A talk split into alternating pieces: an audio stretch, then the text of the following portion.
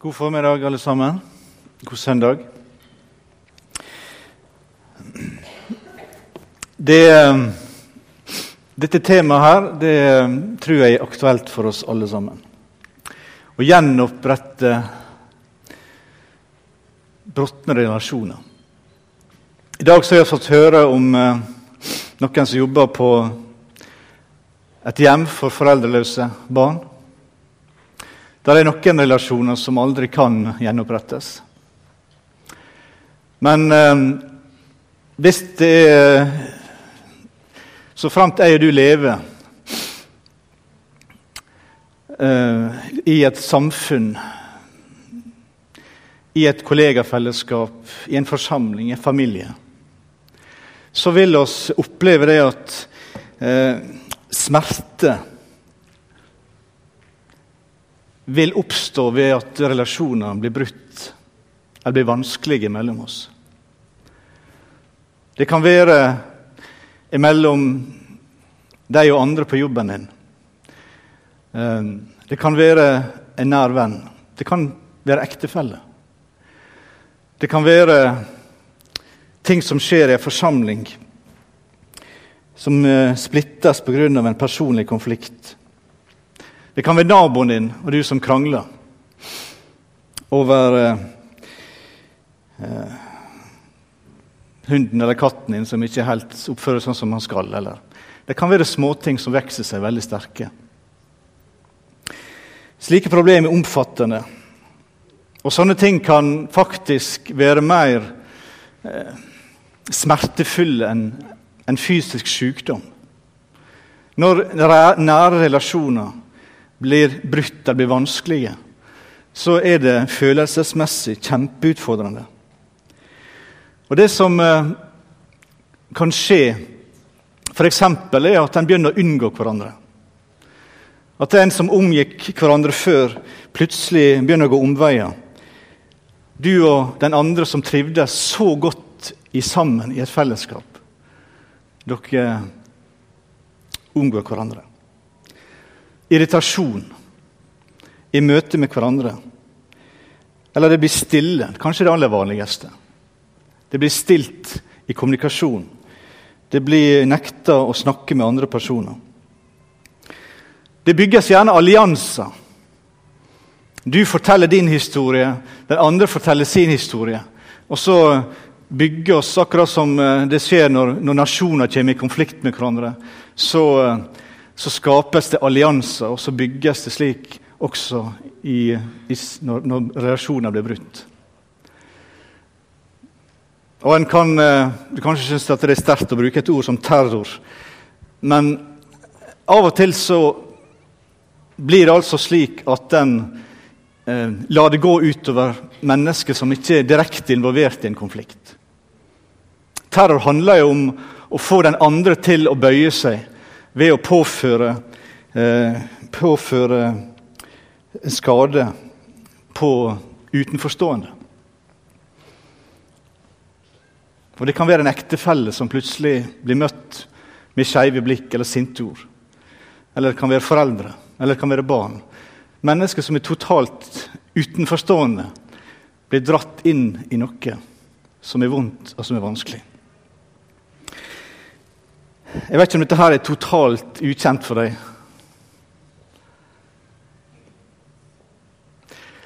I tilfelle er du eh, fryktelig, fryktelig heldig. Men det er nesten sånn jeg ikke tror det. For på et eller annet område, eller i, større og mer, eller større eller mindre alvorlighetsgrad, så skjer det med oss. Og Nå vil jeg at denne formiddagen her så skal oss eh, ikke tenke på at uh, skulle ønske at noen, at han eller hun hørte dette. her. Dette her handler om meg, dette handler om deg. Det handler om hva jeg og du gjør. Hva, hva trinn jeg og du går for at ting skal bli bra igjen. For at relasjoner kan bli lekt. Hva kan jeg gjøre? Ikke hva andre gjør. Det handler ikke om alle andre, det handler om deg. Saken er at jeg og du kan gjøre ting verre. Vi kan velge å stikke hodet i sanden, slik som strutsen gjør. Um, og late som at ting ikke er sånn som det er. Men det å ignorere et problem fører oss ofte til at det, en sprer seg eh, som ugras. Vi kan angripe en person, i for å gå til saken, så angriper oss en person. Eh, og den opprinnelige grunnen til en konflikt kan fort forsvinne for oss. Hva var det egentlig handla om? Vi kan manipulere. Og så gjør det verre ved at vi manipulerer, forteller bare vår versjon av en sak. Og dermed så, så eh, er det slik at realiteten er det form, en form for stolthet og egoisme. Vi kan velge å involvere andre mennesker. Mennesker som gjerne ikke er interessert i å, å, å, å løse konflikten eller hjelpe til, men som, som elsker å snakke. Og så gjenger sladderen, og så gjenger baksnakkelsen. Eller at vi rett og slett snakker for mye. I stedet for å lytte, i stedet for å bruke begge ørene, så bruker vi eh, munn veldig, veldig mye. Eller vi kan velge å være ufølsom. Vi kan ha rett i vår sak, men det å ikke forstå hvordan andre mennesker har det, gjør at vi kan gjøre ting verre ved at vi eh, ikke rett og slett forstår timinga. Josef, for eksempel, som fortalte om drømmene sine til brødrene sine. Han hadde jo alt, alt, alt var rett, det han sa. Alt var rett det han hadde drømt. Men han sensa på en måte ikke den eh, enorme eh, vanskeligheten som brødrene hans hadde i heimen. Og så gjorde han på en måte ting bare vondt verre. Eller så kan han bare feie ting og teppe. Glem det. Og så går vi videre. Og Hvis det handler om at vi virkelig har gått inn i en sak, så, så er jo det flott. Men hvis vi bare koster ting under teppet og later som at ikke problemet er der, så, så vil det ligge der. Og alt blir bare en overfladiskhet. Å snakke om en stor utfordring Bibelen legger ikke skjul på at dette er noe som er vanskelig for oss mennesker. Um, og Ordspråket 18 sier at en krenkt bror er en festningsby. Hvis du ser for deg en, en festning med, med, med, svære vegger og, og, og fasade og soldater på, og du skal innta dette her, eh, så er ikke det lett. Så Bibelen den undervurderer ikke at dette er noe som er vanskelig for oss. Likevel så kalles oss til å arbeide med det. La oss be litt. Takk, kjære far, for at du steg inn i vår verden. Takk, Herre, for at du eh, inntok fiendens territorium. Takk for at du gikk en vei for oss og skapte fred. Kjære Far i himmelen, oss ber om at du kunne berøre vårt hjerte denne formiddagen.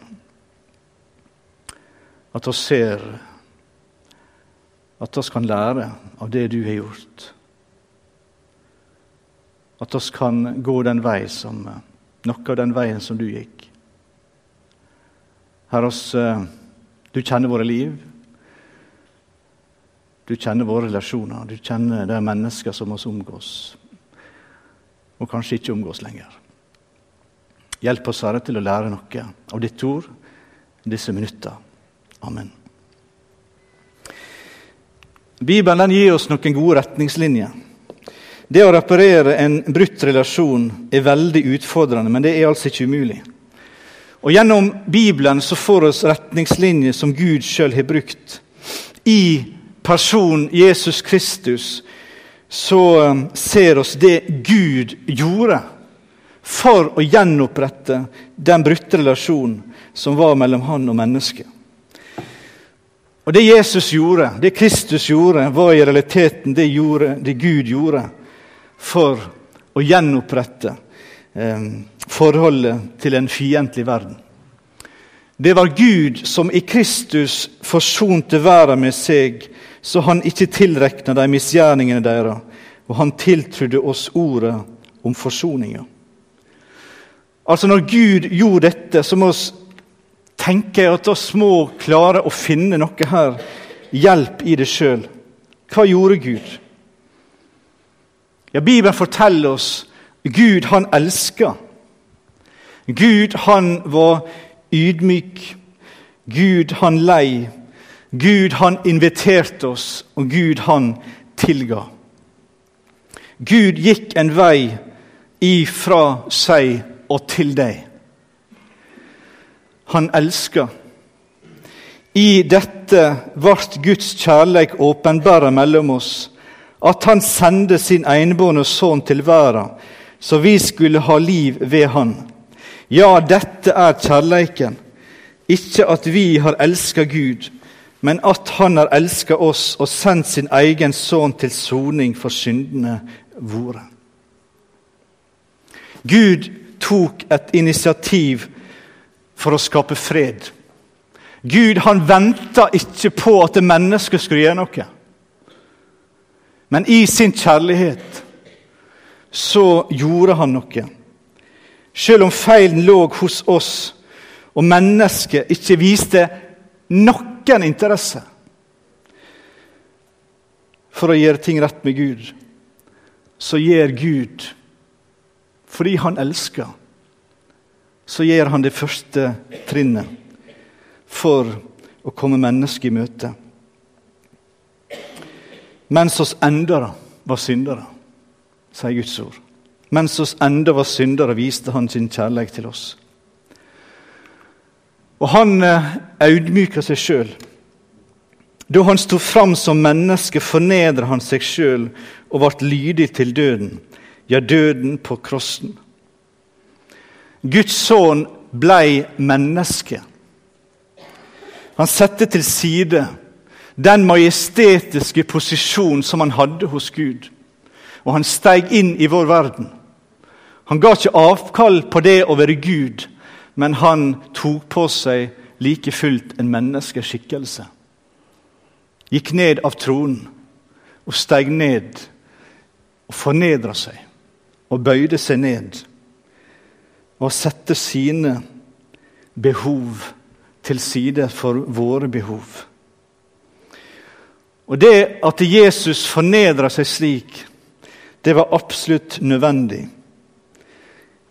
i det verk som han skulle utføre for oss mennesker. Jesus gikk lidelsens vei.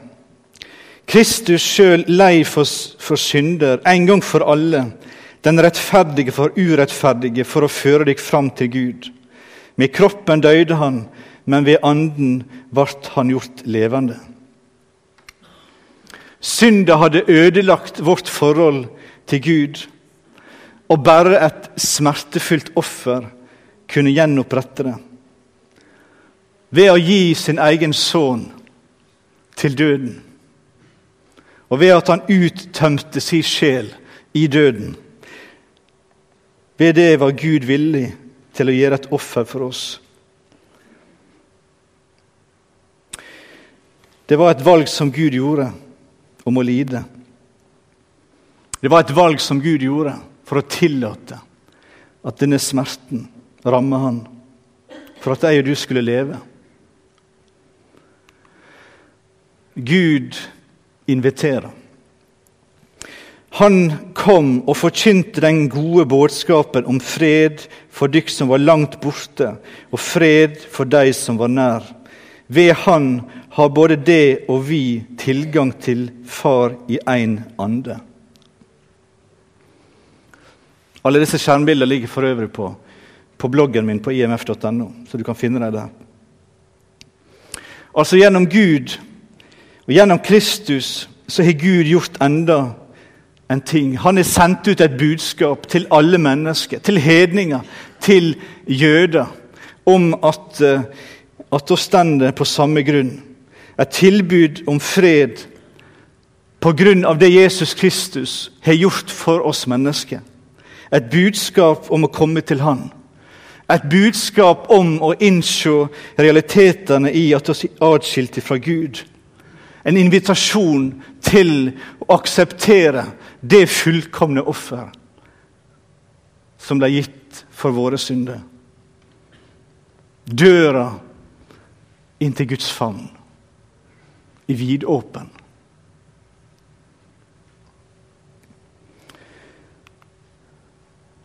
Og Gud tilga.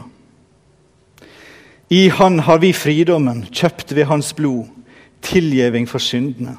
For så rik er Guds nåde.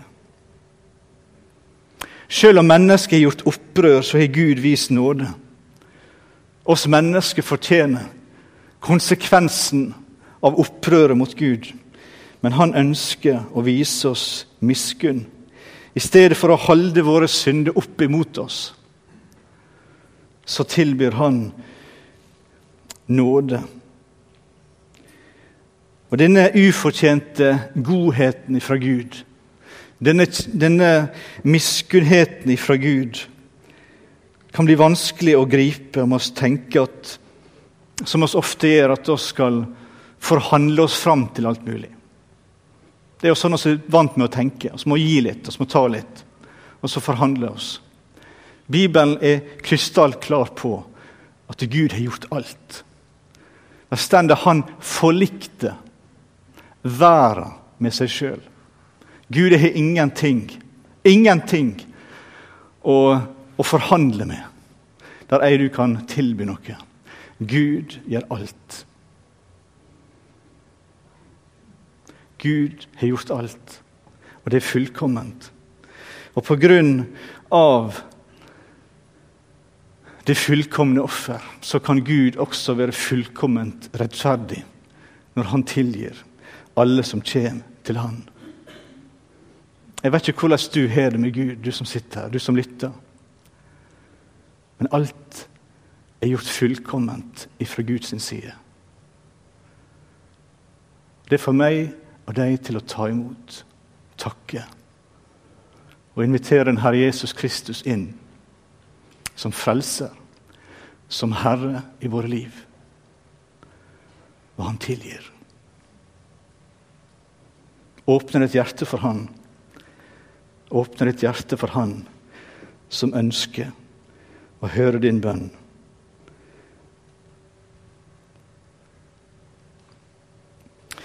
Gud har sannhet vist oss en vei. Gud er modellert for oss noen trinn som oss kan gå for at våre brutte relasjoner kan gjenopprettes. Og eh, som et barn lærer av sine foreldre, så skal et Guds barn også lære av vår Far i himmelen. Og det er helt nødvendig for oss. For det første, der er en vei også for oss som heter kjærlighet. Efeserbrevet 5, 1 og 2 sier det slik.: Ja, likna Gud det som er hans kjære barn. Lev i kjærleik, liksom Kristus elska oss og ga seg sjøl for oss som, et, som ei gåve og et offer, en velluktende ange for Gud. Det å elske en annen person som oss har et vanskelig forhold til, som oss lever i konflikt med, det er sannelig ikke lett. Men dersom forholdet skal gjenopprettes, så må noen ta et initiativ. Og det må skje i kjærlighet. Og Da er det viktig for oss å understreke at kjærlighet ikke bare handler om følelser. For så høyt elsker Gud verden at han gav. Det var ikke bare en følelse som Gud satt med, men kjærligheten gir seg uttrykk i handling. Han gav kjærligheten handler. Kjærligheten er heller ikke falsk. Det handler ikke om anstrengte smil og falske uttrykk for å være vennlig. Noe som bare blir kunstig, noe som bare blir overfladisk. Noe som mangler det ekte og den langvarige kvaliteten som er nødvendig for å reparere noe som er vanskelig, noe som er brutt. Derfor så sier Guds ord la kjærleiken være ekte. La kjærleiken være ekte. Og Jeg tror at vi er også inne på noe her som vi må understreke at det vi snakker om her, det er ikke noe som er menneskeskapt. Men Gud har gitt deg som er et Guds barn, Gud har gitt deg og meg Den hellige ande, som bor i alle gjenfødte, sanne kristne. Og under hans ledelse så kan oss i sanning elske. Men andens frykt er kjærleik, glede, fred, tålmod, mildskap, godleik og truskap. Kjærligheten er også noe som eh, våger at oss ser på oss sjøl. Er ærlige overfor oss sjøl. Guds ord Jesus sier, 'Din hykler, ta først bjelken ut av ditt eget øye.' Da ser du klart og kan ta flisa ut av øyet til broren. Det kan være hardt, det kan være smertefullt. Men er jo du avhengig av at Den hellige ånd får lyse inn i mitt og ditt liv og peke på hva, hva er det jeg har gjort som er årsak til det som er skjedd. Og ved Hans verk i oss så kan sinnet så kan bitterhet, så kan vondskap bli bytta med vennlighet, med medfølelse, med tilgivelse. Også må vi understreke at kjærligheten det den, første, den gir den første handlinga. Når du går fram til alteret, står det i Matteus 5.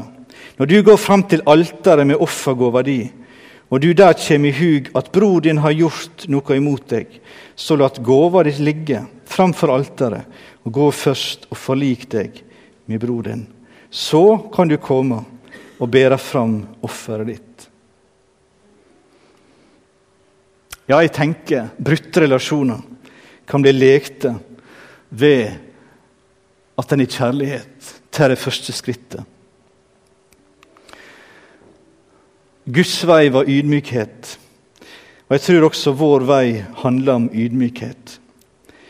Så legg dykk på hjertet, i Feserbrevet 4, 1-3. Så legger jeg dykk på hjertet, jeg som er fange for Herrens skyld, at jeg må leve et liv som er verdig det kallet jeg har fått, mildt, audmjukt og tålmodig, så de ber over med hverandre i kjærleik, gjør alt de kan for å ta vare på egenskapet i anden, i den fred som binder sammen. Jeg tenker at en av de største hinder for å avslutte en konflikt er stolthet. Det er stolthet. Problem kunne bli løst, men vårt eget ego det står i veien. Hver handling for å skape fred blir på en måte det blir liksom veikskap. Og Siden vi ikke ønsker at andre skal se på oss som veike, så beskytter oss sjøl og vår verdighet ved at oss ikke nærmer oss andre, eller la ikke andre komme inn på oss. Og En slik hardhet for å beskytte vår egen komfortsone eh, er ikke rett, spesielt ikke blant kristne. Ydmykhet. Jeg tror det er en nøkkel for å nærme seg andre. Og Det er også viktig å vite hva ydmykhet er for noe. Um, Leksikonet sier at ydmykhet det er det motsatte av stolthet. Og Da tenker jeg ikke på stolthet som eh, at vi er stolt over disse flotte barna som sto her framme, eller stolthet over fedrelandet, eller slike ting. Nei, det er motsatte av ydmykhet. Det er heller sjølsentrering. Det er arroganse. Det er å være innbilsk. Det kan godt være at jantelova har ødelagt, ja, det er helt sikkert. At den har holdt mange mennesker nede i vårt samfunn. Men vi kommer heller ikke utenom apostelen sitt ord i Romerbrevet 12,3. Ved den nåde jeg har fått, sier jeg til hver og en av dykk, tenk ikke for store tanker om deg sjøl, men bruk forstand og vær sindig, hver og en etter den trua som Gud har tilmålt Han. Og For meg så handler det om at oss er interessert i andre sine behov, andre sine bekymringer. Og når vi tenker på det viset, så blir vi opptatt av å tjene hverandre. Ingenting blir for lite. Ingenting blir for stort som offer til at ting ikke kan bli rett igjen. Andre sine meninger kan bli like viktige som mine egne meninger. Andre sine følelser kan bli like viktige som mine egne følelser. Selv om det er vanskelig, så må vi prøve å vise forståelse for hvordan andre mennesker har det. Og Jeg tror det også handler om å respektere andre. Selv om vi kan være uenige, så handler det likevel om å vise respekt for andre. Vi prøver å tenke på dem på ulikt vis, selv om de ikke setter pris på våre anstrengelser.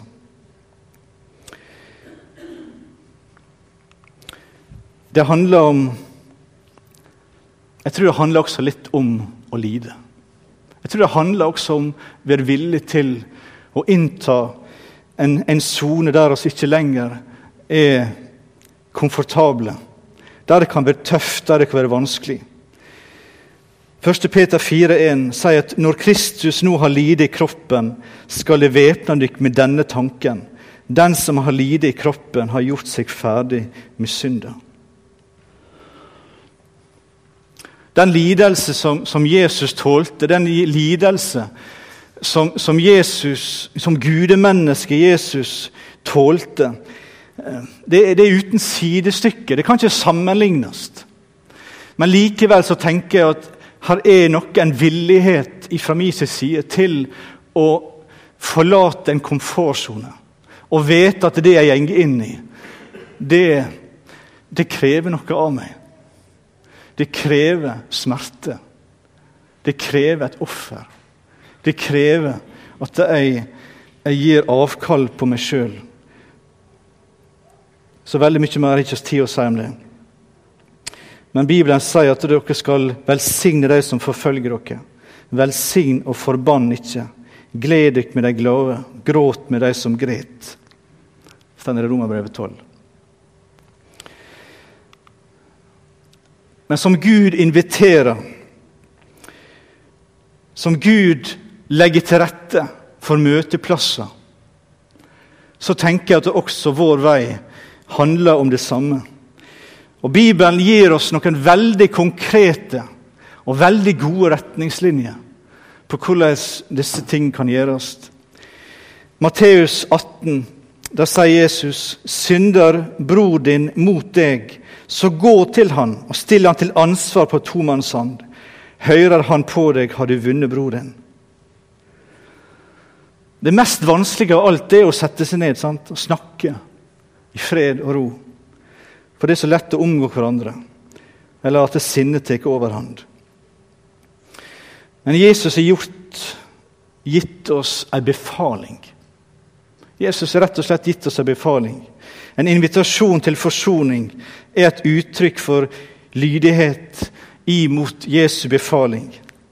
Jesus har vist oss gjennom dette den rette måten for mennesket til å forsones ved at de to mennesker det er snakk om, skal snakke sammen. Og Dersom vi med overlegge fornærmer andre, eller de har fornærmet oss, ja, så sier Jesus det er vårt ansvar å gå til den det gjelder, for å løse problemet. Det er vanskelig, ja. Men Jesus ber oss, ja, han befaler oss å gjøre det. Og det handler om behovet for å være ærlig. Det å sitte sammen ansikt til ansikt har ingen mening om oss ikke er ærlige. Om noen har gjort deg vondt, ja, så må du fortelle det. Jeg har det vondt. Jeg opplever at du har såra meg. Om oss er såra eller sinte, så må oss våge å si det. Og Det skal ikke sies for å vinne en diskusjon eller for å ta igjen, men for å vite at oss er oppriktige. Sannheten frigjør. Og så er det viktig å være privat. Ofte så ser vi at en konflikt blir verre når problemet ikke lenger er, er i konferensialitet, men at vi drar andre parter inn. Vi må være diskré og forhindre sladder, forhindre baktalelse. Og det verner også ryktet til de som er involvert. Av og til så trenger vi hjelp. Av og til så, så, trenger to personer hjelp for å finne ut av problemet. Og Ifølge det Jesus sier i Matteus 18, så sier han noe om at da skal vi invitere inn hjelp fra andre, visdom fra andre, påvirkning fra andre kan hjelpe. Og Selv om problemene ikke forsvinner, så kan vitnet hjelpe oss til å gi en rett framstilling av det som er skjedd.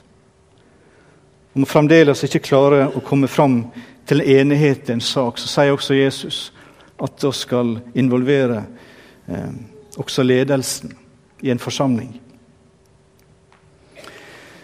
Og Det handler til sjuende og sist, eller femte og sist, om tilgivelse.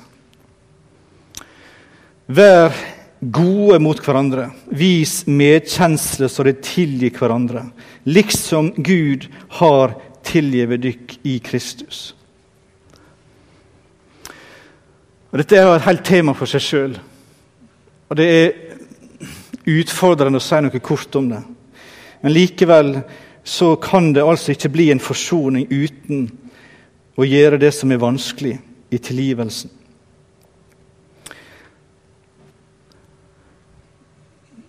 Noen opplever at det blir snakka veldig lettvint om dette. Noen opplever at det blir et budskap om at uansett så skal du tilgi. Uansett så har du en plikt til å tilgi andre mennesker. Bibelen sier ikke det. Som Gud har tilgitt oss, så må vi også være villige til å tilgi andre. Men den tilgivelsen, den er ikke komplett. Den gjenger ikke i dybden uten at den som er fornærma oss, angrer det som er gjort. Jesus han sier dette i Lukas 17. Legg merke til hva han sier. Ta dykk i vare. Synder bror din, så taler han til rette. Og angrer han, så tilgi han. Ja, om han synder mot deg sju ganger den samme dagen, og sju ganger kommer til deg og sier 'jeg angrer', så skal du tilgi han.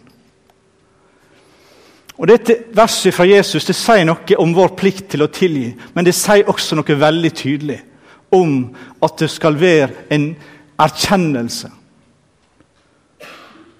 hos den andre om at noe galt er skjedd. Det må være en erkjennelse om det som er gjort galt, ellers så blir det heller ikke noen virkelig gjenopprettelse av en relasjon.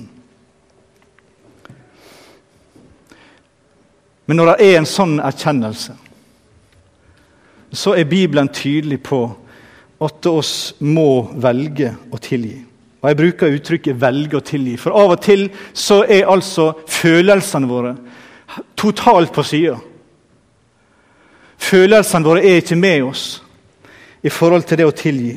Men Bibelen sier sjøl at om Gud er, er vred over menneskets synd, så velger han likevel å tilgi. Og oss må gjøre det samme med hverandre. Uavhengig av våre følelser så må oss være villige til å tilgi, uansett hva som er sagt eller gjort imot oss. Og så, forhåpentligvis, så vil følelsene komme etter. Selv om vi må tilgi trass i at vi helst ikke vil, så skulle vi likevel arbeide for å få disse følelsene med oss. Det står i Kolosserbrevet kapittel 3. Det er Guds utvalgte, hellige og elska av Han. Kle dykk derfor i inderlig medkjensle, og ved gode, milde, audmyke og tålmodige, så de ber over med hverandre og tilgir hverandre om den ene har noe å klage den andre for. Som Herren har tilgitt dykk, skal det tilgi hverandre. Og Dette som vi leser her, det kan være vanskelig å praktisere når oss er såra når andre kaster fornærmelsene etter oss. Og Derfor så trenger oss hjelp. Derfor så ber oss Gud om å gi noe med vårt hjerte. Gud, du må ikke bare gjøre noe med den andre personens hjerte, men gi noe med mitt hjerte. slik at jeg kan også med mitt hjerte tilgi. Og Bibelen sier videre med andens frukt er kjærleik, glede, fred, tålmod, mildskap, godleik, truskap, audmjukskap og sjøldisiplin. Slike ting er ikke lova imot. De som hører Kristus til, har krossfest kjøtet med lidenskapene og de vonde lystne. Lever vi ved Anden, så lat oss òg vandre i Anden. Lat oss ikke være drevne av æresjuke, så vi utfordrer og misunner hverandre. Sier Guds ord. Jeg trenger hjelp. Du trenger hjelp. Den hellige ånd vil gi oss hjelp. Det kan ta tid, men vi må be om at Herren også får arbeide med vårt hjerte. Guds vei til oss, vår vei til andre. Noen mennesker vil bare ignorere det Gud prøver å lære oss om dette. Det fins også mennesker som bare elsker å leve i konflikt. Noen som syns at det å ha en skikkelig fight det er bare sånn som er krydder i livet. Noen er ikke interessert å gjenopprette noen, noen relasjoner. Noen holder fram med å trakke på andre.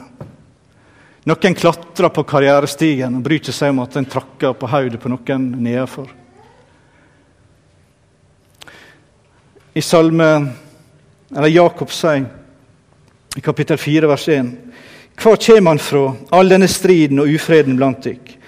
Er det ikke fra lystne som fører krig i lemmene dykkar? Jeg har ansvar for mitt liv, du har ansvar for ditt liv.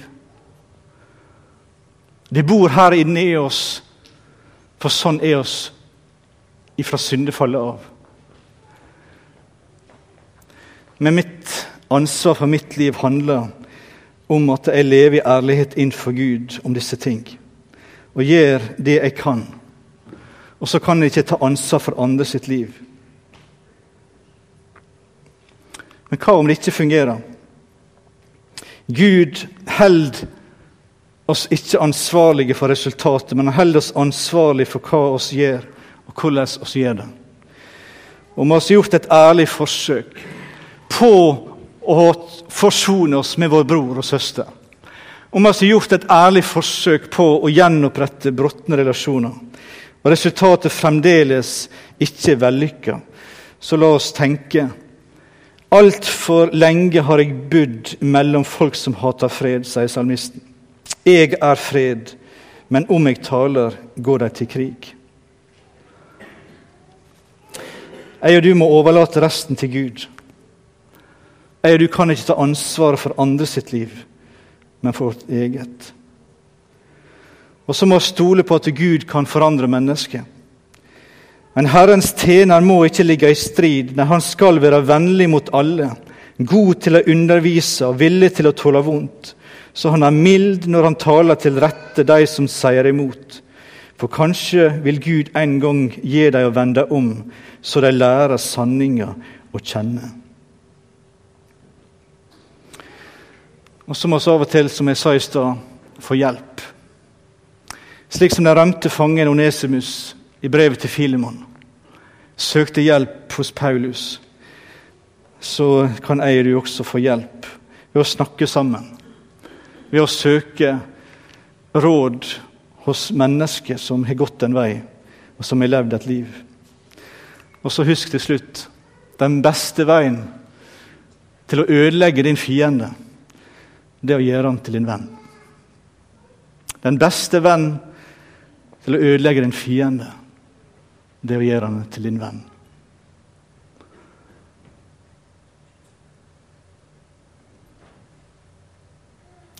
La oss være i stillhet.